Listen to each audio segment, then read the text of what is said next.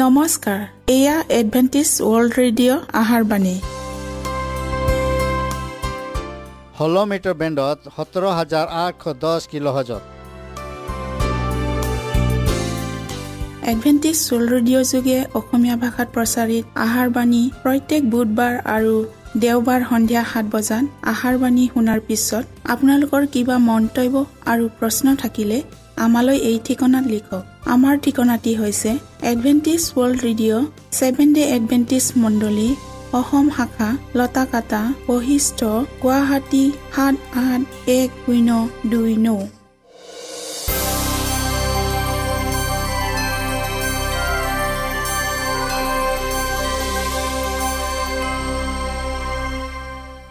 প্ৰিয় শ্ৰোতা বন্ধুসকল এতিয়া শুনো আহক এটি খ্ৰীষ্টীয় ধৰ্মীয় গীত।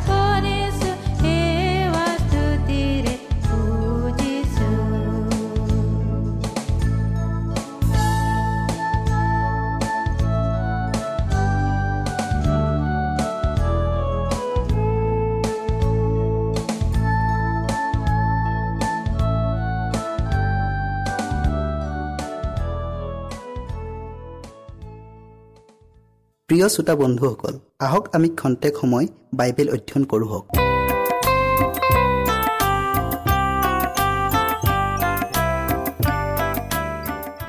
প্ৰিয় শ্ৰোতা বন্ধুসকল নমস্কাৰ। আজি আমি যোৱা অনুষ্ঠানৰ বাকী অংশ দৃষ্টান্তৰ যোগেদি শিক্ষা ইয়াৰ বিষয়ে শুনো হওক। আহক আমি প্ৰাৰ্থনা কৰোঁ হওক। সেই সৰ্বশক্তিমান ঈশ্বৰ যি হোৱা তোমাক ধন্যবাদ দিছোঁ। কাৰণ তুমি আমাৰ সংগে সংগে থাকি এই সুন্দৰ সময়ক আৰু লৈ আনিলা। প্ৰভু ইয়াৰ বাবে তোমাক ধন্যবাদ জ্ঞাপন কৰিছোঁ। প্ৰভু এই সময়ত আমি আকৌ যোৱা অনুষ্ঠানৰ বাকী অংশ দৃষ্টান্তৰ যোগেদি শিক্ষাৰ বিষয়ে অধ্যয়ন কৰিবলৈ আগবঢ়াইছোঁ। তুমি পবিত্ৰ আত্মাৰ যোগেদি প্ৰত্যেক শ্ৰোতাসকলত থকা যীশুৰ নামত খুজিলোঁ। আমেন। শাস্ত্ৰপদ আপোনালোকে পঢ়ক মঠি তেৰ অধ্যায়ৰ চৌত্ৰিছ আৰু পঁয়ত্ৰিছ পদ। কৃষ্ট দৃষ্টান্তেৰে শিক্ষা দিয়াৰ আন এটা কাৰণ আছিল যে তেওঁৰ কোৱা বাক্য শুনিবলৈ গোট খোৱা লোকবিলাকৰ মাজত অনেক পুৰোহিত আৰু ধৰ্মীয় গুৰু শাস্ত্ৰজ্ঞ পণ্ডিত হেৰুদিয়াবিলাক আৰু শাসনকৰ্তাবিলাক জনগত প্ৰিয় লোক গৰামী লোক উচ্চাকাংক্ষী মনৰ লোক এই সকলোবিলাকৰ উপৰিও যীশুৰ বিৰুদ্ধে অভিযোগ আনিব পৰা দলৰ মানুহো আছিল। যিবিলাকৰ চোৰাংচোৱা তেওঁৰ প্ৰতি খোজত প্ৰতিদিন অনুসৰণ কৰিছিল যেন তেওঁৰ মুখৰ কোৱা কথাৰ দ্বাৰাই তেওঁক দোষী সাব্যস্ত কৰি চিৰদিনৰ বাবে মৌন কৰিব পাৰে। কাৰণ অধিকাংশ লোক তেওঁৰ ফলীয়া হোৱাত সেইবিলাক হিংসাত জ্বলি পকি উঠিছিল। ত্ৰাণকৰ্তাজনাই এই মানুহবিলাকৰ কুকল্পনাবোৰ জানিছিল। সেয়ে তেওঁ কোৱা কথাবোৰ এনেধৰণেৰে পৰিৱেশন কৰিলে যে জেৰুজালেমৰ মহাসভাৰ আগত তেওঁৰ বিৰুদ্ধে কোনো অভিযোগ আনিব নোৱাৰিলে। দৃষ্টান্তেৰে দিয়া শিক্ষাত তেওঁ কপটীয়াবিলাকক আৰু উচ্চ আসনত বহা দুষ্কৃতিকাৰীবিলাকক দবিয়াইছিল। যদিও প্ৰকাশে নিন্দা নকৰি ৰূপক ভাষাৰে কৈছিল। যেন সিবিলাকেও শুনে নহ'লে তেওঁৰ প্ৰচাৰ কাৰ্যত ব্যাঘাত জন্মাব পাৰে। কিন্তু যেতিয়া তেওঁ চোৰাংচোৱাবিলাকৰ কুমন্ত্ৰণা ব্যৰ্থ কৰি সত্যক স্পষ্টৰূপে প্ৰকাশ কৰাত সেইবিলাকৰ ভুল ভ্ৰান্তিবোৰ পটপটীয়াকৈ ওলাই পৰিল। ফলত অনেক সত্যপ্ৰিয় লোক তেওঁৰ এই শিক্ষাৰ দ্বাৰাই উপকৃত হ'ল। ঐশ্বৰিক জ্ঞান অসীম অনুগ্ৰহ এই আটাইবিলাক ঈশ্বৰৰ সৃষ্টিৰ বস্তুৰ দ্বাৰাই সুলভ কৰিলে। প্ৰকৃতি আৰু জীৱনৰ ঘাট প্ৰতিঘাতৰ মাজেদি মানুহক ঈশ্বৰৰ বিষয়ে জ্ঞাত কৰিলে। এইকাৰণে তেওঁৰ অনাদি অনন্ত পৰাক্ৰম আৰু ঐশ্বৰিক স্বভাৱ আদি কৰি অদৃশ্য গুণবোৰ জগতৰ সৃষ্টিকালৰে পৰা তেওঁৰ নানা কাৰ্যত বোধগম্য হৈ স্পষ্টকৈ দেখা গৈছে। ত্ৰাণকৰ্তাজনাৰ দৃষ্টান্তৰে দিয়া সত্য শিক্ষাক এক গঠনমূলক উচ্চমনা শিক্ষাক সূচায়। কৃষ্টই মানুহক অতি গভীৰ সত্যৰ তত্ত্ব মুকলি কৰি দিব পাৰিলেহেঁতেন বা বহু শতাব্দী জুৰি কঠোৰ পৰিশ্ৰম আৰু অধ্যয়নেৰে ভেদ কৰিব পৰা ৰহস্য উদঘাটন কৰি দিব পাৰিলেহেঁতেন। নাইবা মানুহৰ দৈনন্দিন প্ৰয়োজনীয় বস্তু সময়ৰ সোঁতত বৈজ্ঞানিক পদ্ধতিৰে উৎপাদন কৰিবলৈ উদগনি দিব পাৰিলেহেঁতেন। কিন্তু তেওঁ এনে নকৰিলে। মানুহৰ অনুসন্দিগ্ধ মনক সন্তুষ্ট দিবলৈ বা মানুহৰ আশা আকাংক্ষা পূৰণ কৰিবলৈ জাগতিক প্ৰভাৱ পৰাক্ৰমৰ পথ মুকলি কৰি দিয়াৰ বিষয়েও একো কোৱা নাই।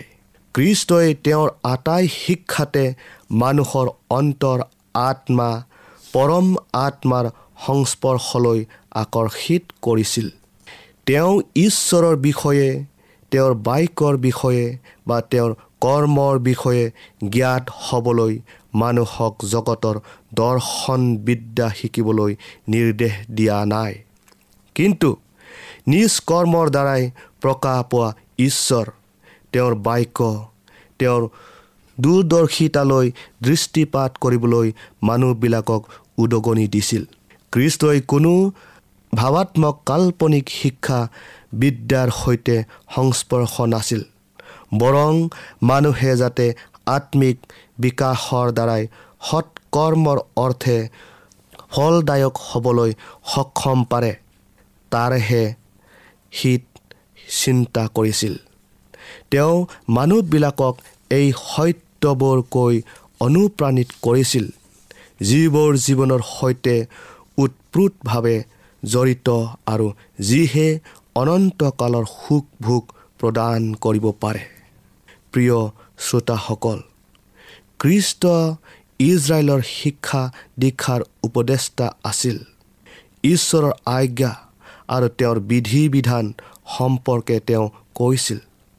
আৰু তুমি নিজ সন্তানবিলাকক যত্নেৰে সেইবোৰ শিকাবা আৰু তুমি ঘৰত বহোঁতে বা বাটত যাওঁতে আৰু শুওঁতে বা উঠোঁতে সেইবোৰৰ বিষয়ে কথা বতৰা হ'বা আৰু তোমাৰ হাতত চিনস্বৰূপে সেইবোৰ বান্ধিবা আৰু সেইবোৰ তোমাৰ দুই চকুৰ মাজত ভূষণস্বৰূপ হ'ব লাগে আৰু তোমাৰ ঘৰৰ দুৱাৰৰ খুটাত আৰু তোমাৰ বাহিৰৰ দুৱাৰত সেইবোৰ লিখি ৰাখিবা।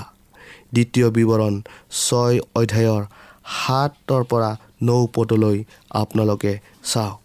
যীশুৱে তেওঁৰ শিক্ষাৰ যোগেদি আজ্ঞাসমূহ কেনেকৈ সিদ্ধ হ'ব তাৰে দৃষ্টিগোচৰ কৰিছিল। সেই বিধিবোৰ আৰু ঈশ্বৰৰ ৰাজ্যৰ মৌলিক তত্ত্ববোৰ প্ৰয়োগ কৰি সেইবিলাকৰ সৌন্দৰ্য আৰু শুদ্ধতা প্ৰকাশ কৰিব পাৰি।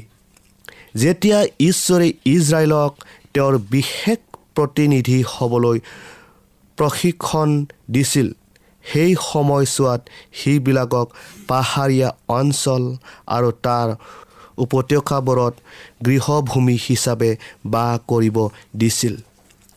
এইদৰে সেইবিলাকৰ ঘৰুৱা জীৱনত আৰু সেইবিলাকৰ সেৱা আৰাধনা কাৰ্যত প্ৰকৃতিৰ আৰু তেওঁৰ বাক্যৰ সৈতে নিৰ্বিচ্ছিন্ন নিৰ নিৰ্বিচ্ছিন্ন নিৰবিচ্ছিন্ন নিৰবিচ্ছিন্ন সম্পৰ্কত ৰাখি তেওঁৰ সান্নিধ্যলৈ আনিছিল। সেয়ে কৃষ্টই তেওঁৰ শিষ্যবিলাকক হৃদয়ৰ পাৰত পাহাৰত দাঁতি শাকতীয়া ঠাইত পথাৰত আৰু তৰুৰাজিৰ তলত শিক্ষা দিছিল যাতে প্ৰকৃতিৰ যিবোৰ বস্তুৰ সৈতে তুলনা কৰি ব্যাখ্যা কৰিছিল সেইবোৰ স্বচ্ছকে দৃষ্টি কৰি হৃদয়ংগম কৰিব পাৰে আৰু সেইবিলাকে যেতিয়াই কৃষ্টক বুজি পালে তেতিয়াই তেওঁৰে সৈতে সহযোগেৰে তেওঁৰ কাৰ্যত সেইবিলাকৰ জ্ঞান বুদ্ধি প্ৰয়োগ কৰিব ধৰিলে। সেয়েহে সৃষ্টিৰ জৰিয়তে সৃষ্টিকৰ্তাৰ সৈতে পৰিচিত হ'ব লাগে। প্ৰকৃতিৰ পুস্তকখন অতি বিশাল শাস্ত্ৰখনক ইয়াৰে সৈতে সম্পৰ্ক ৰাখি আমি ঈশ্বৰৰ বিষয়ে আনক সাক্ষ্য দিয়াৰ উপৰিও হেৰুৱা মেৰবিলাকক তেওঁৰ ঘঁৰাললৈ পুনৰাই উভতাই আনিব পাৰিম। যেতিয়াই আমি অন্তকৰণেৰে সৈতে ঈশ্বৰৰ কাৰ্যৰাশি অধ্যয়ন কৰোঁ। পবিত্ৰ আত্মাই তেতিয়াই আকস্মিক পোহৰেৰে মনৰ অসুচিবোৰ দেখুৱাই দোষী সাব্যস্ত কৰে। এইয়া জগতৰ ন্যায় শাস্ত্ৰৰ তৰ্ক যুক্তিবাদৰ ওপৰত ভিত্তি কৰি দোষাৰোপ কৰা নহয়। কিন্তু ঈশ্বৰক জানিবৰ মন আন্ধাৰ হয়। তেওঁৰ দৃষ্টিপাত কৰিবলৈ অস্পষ্ট হয়। তেওঁৰ মাত শুনিবৰ কাণ গধুৰ হয়। তেতিয়া ঈশ্বৰৰ আত্মিক বাক্যইহে হৃদয় স্পৰ্শ কৰি দোষাৰোপ কৰে। প্ৰিয় শ্ৰোতা বন্ধুসকল প্ৰকৃতিৰ যোগেদি পোনপটীয়াকৈ আহৰণ কৰা শিক্ষাবোৰত সৰলতা আৰু পবিত্ৰতাৰ প্ৰভাৱে অতি সমাদৃত কৰে। আটাইয়ে এনে উৎপত্তি স্থানৰ পৰা শিক্ষা প্ৰৱাহিত হোৱাটো বাঞ্ছা কৰে আৰু প্ৰকৃতিৰ এনে মধুৰতাই হৃদয়ক পাপৰ পৰা পৃথক আৰু জগতৰ সকলো প্ৰকাৰ লোভ মুখৰ আকৰ্ষণৰ পৰা আঁতৰাই পবিত্ৰতা শান্তিয়ে ঈশ্বৰৰ ওচৰলৈ চপাই নিয়ে। আজি জগতৰ অনেক জ্ঞানী লোকৰ মন মানুহৰ কাল্পনিক জ্ঞান বিদ্যা অসাৰ ধ্যান ধাৰণা মিছা যুক্তি তৰ্ক অমূলক আৰু কৃত্ৰিম দৰ্শন বিদ্যাৰে পৰিপূৰ্ণ। জগতৰ এনে জ্ঞানেৰে জ্ঞানী হোৱা লোকবিলাক শিক্ষা আহৰণ কৰিবলৈ প্ৰকৃতিৰ সৈতে জড়িত হওক। তেওঁলোকে খ্ৰীষ্টিয়ানৰ একেশ্বৰবাদ আৰু তেওঁৰ সৃষ্ট প্ৰকৃতিৰ পৰা শিক্ষা লওক। তেওঁলোকে প্ৰাকৃতিক আৰু আধ্যাত্মিক ঐক্যতাৰ পৰা শিক্ষা লাভ কৰক। যি সকলো বস্তু তেওঁলোকৰ দৃষ্টিত পৰে বা হাতেৰে যি যি কাৰ্য কৰে সেইবোৰেই তেওঁলোকৰ শিক্ষাস্বৰূপ হওক। এইদৰে মানসিক শক্তি দৃঢ় হ'ব। সুনাম চৌদিশে প্ৰতিফলিত হ'ব। গোটেই জীৱন মৰ্যাদা সম্পন্ন হ'ব। কৃষ্টৰ দৃষ্টান্তৰে দিয়া শিক্ষাৰ পোনপটীয়া উদ্দেশ্য আছিল বিশ্ৰামবাৰ সম্বন্ধীয়। ঈশ্বৰে তেওঁৰ সৃজন শক্তিক সোঁৱৰণিবৰ অৰ্থে মানুহক দিলে। যাতে তেওঁলোকে তেওঁৰ হাতত কৰ্মৰ দ্বাৰাই তেওঁক চিনি পায়। সৃষ্টিকৰ্তা ঈশ্বৰৰ মহিমা তেওঁৰ সৃষ্টি কৰ্মলৈ দৃষ্টিপাত কৰিবলৈ বিশ্ৰামবাৰে আমাক নিৰ্দেশ দিয়ে।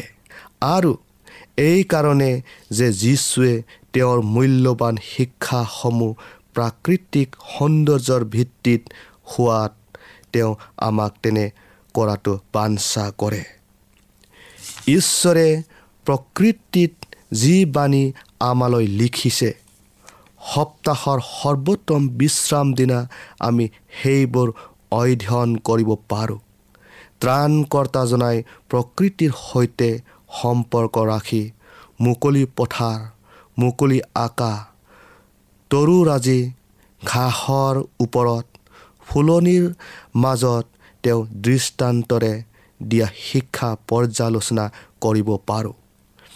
যেতিয়াই আমি প্ৰকৃতিৰ কাষলৈ ওচৰ চাপি আহোঁ তেতিয়াই কৃষ্টই আমালৈ তেওঁৰ উপস্থিতি বাস্তৱ কৰি তুলি আমাৰ হৃদয়ক শান্তি আৰু প্ৰেমৰ জোৱাৰেৰে উপচাই দিয়ে।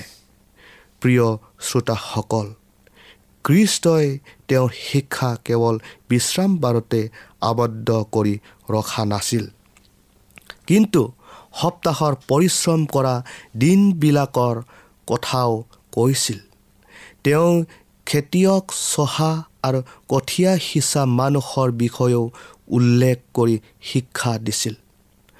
মাটি চহোৱা কঠীয়া সিঁচা আৰু শস্য দোৱা কাৰ্যৰ জৰিয়তে আমাৰ প্ৰতি কৰা অনুগ্ৰহৰ কাৰ্যৰ ব্যাখ্যাৰ মূল বিষয়লৈ দৃষ্টি কৰিবলৈ কয়।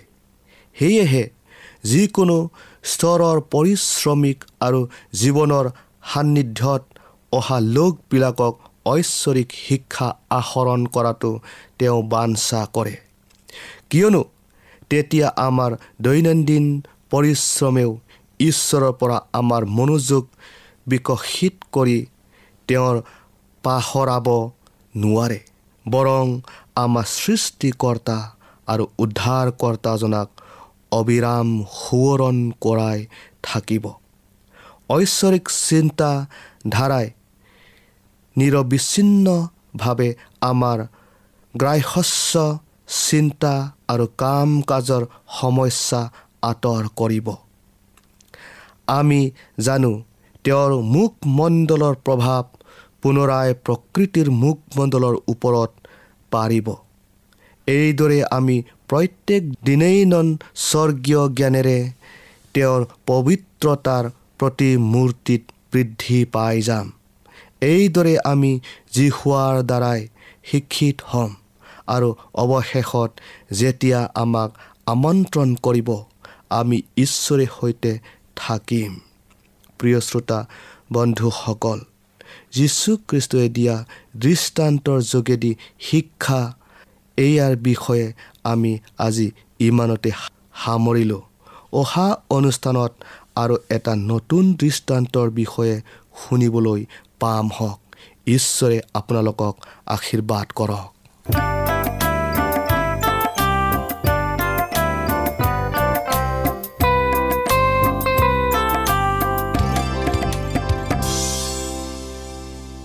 ইমানপৰে আমি বাইবেল অধ্যয়ন কৰিলোঁ এতিয়া আকৌ শুনো আহক এটি খ্ৰীষ্টীয় ধৰ্মীয় গীত।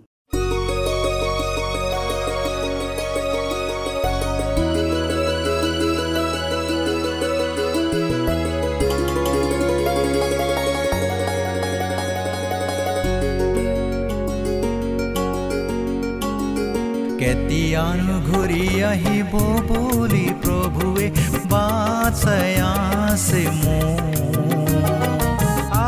আজি প্ৰেমেৰে বাৰে বাৰে মাতে আজি আমাক মাতে তেওঁৰ কাষলৈ প্ৰভু যিচুৱে কেতিয়ানো ঘূৰি আহিব বুলি প্ৰভুৱে বাট চাই আছে মোৰ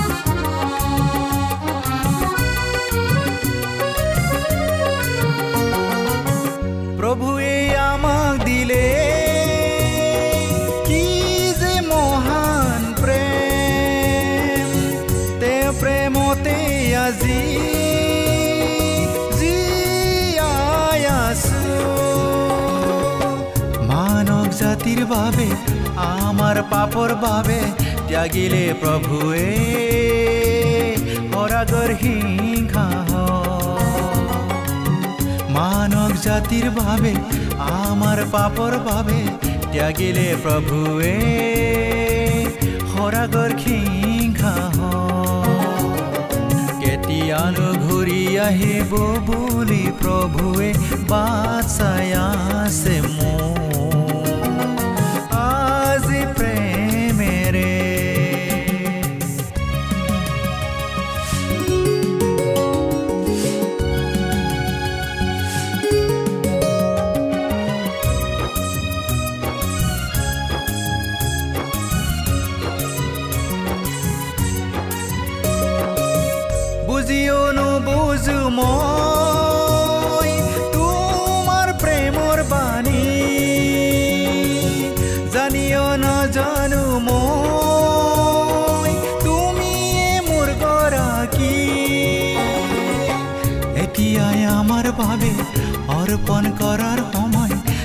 মনলৈ নাহিব আমাৰ শান্তিৰ দি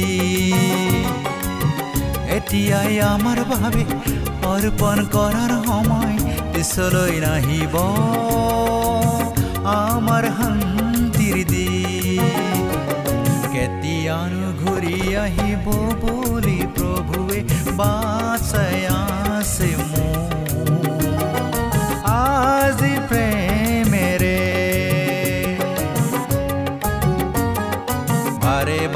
মাতে আজি আমাক মাতে তেওঁৰ কাষলৈ প্ৰভু যিচুৱে কেতিয়ানো ঘূৰি আহিব বুলি প্ৰভুৱে বাট চাই আছে মোক আজি প্ৰেমেৰে বাৰে বাৰে মাতে আজি আমাক মাতে তেওঁৰ কাষলৈ প্ৰভু